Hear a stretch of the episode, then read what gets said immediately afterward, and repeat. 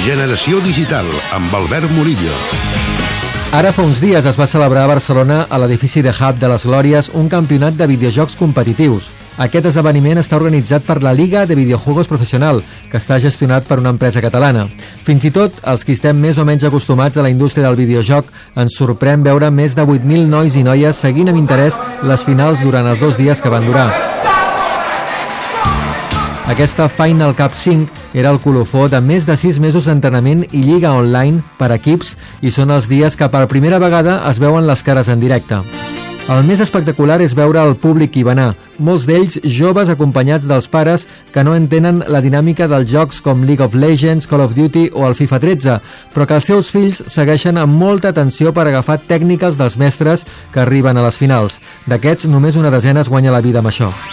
L'ambient que hi ha en el món dels videojocs competitius no té res a veure la, amb els prejudicis que té la gent sobre jugar dos de videojocs, que són prejudicis que en general estan molt exagerats, però que en el cas dels jocs competitius no tenen res a veure, perquè es tracta doncs, de persones doncs, molt sociables, juguen en equip, eh, que s'autoorganitzen en associacions i eh, fins i tot munten empreses per poder desenvolupar la seva tasca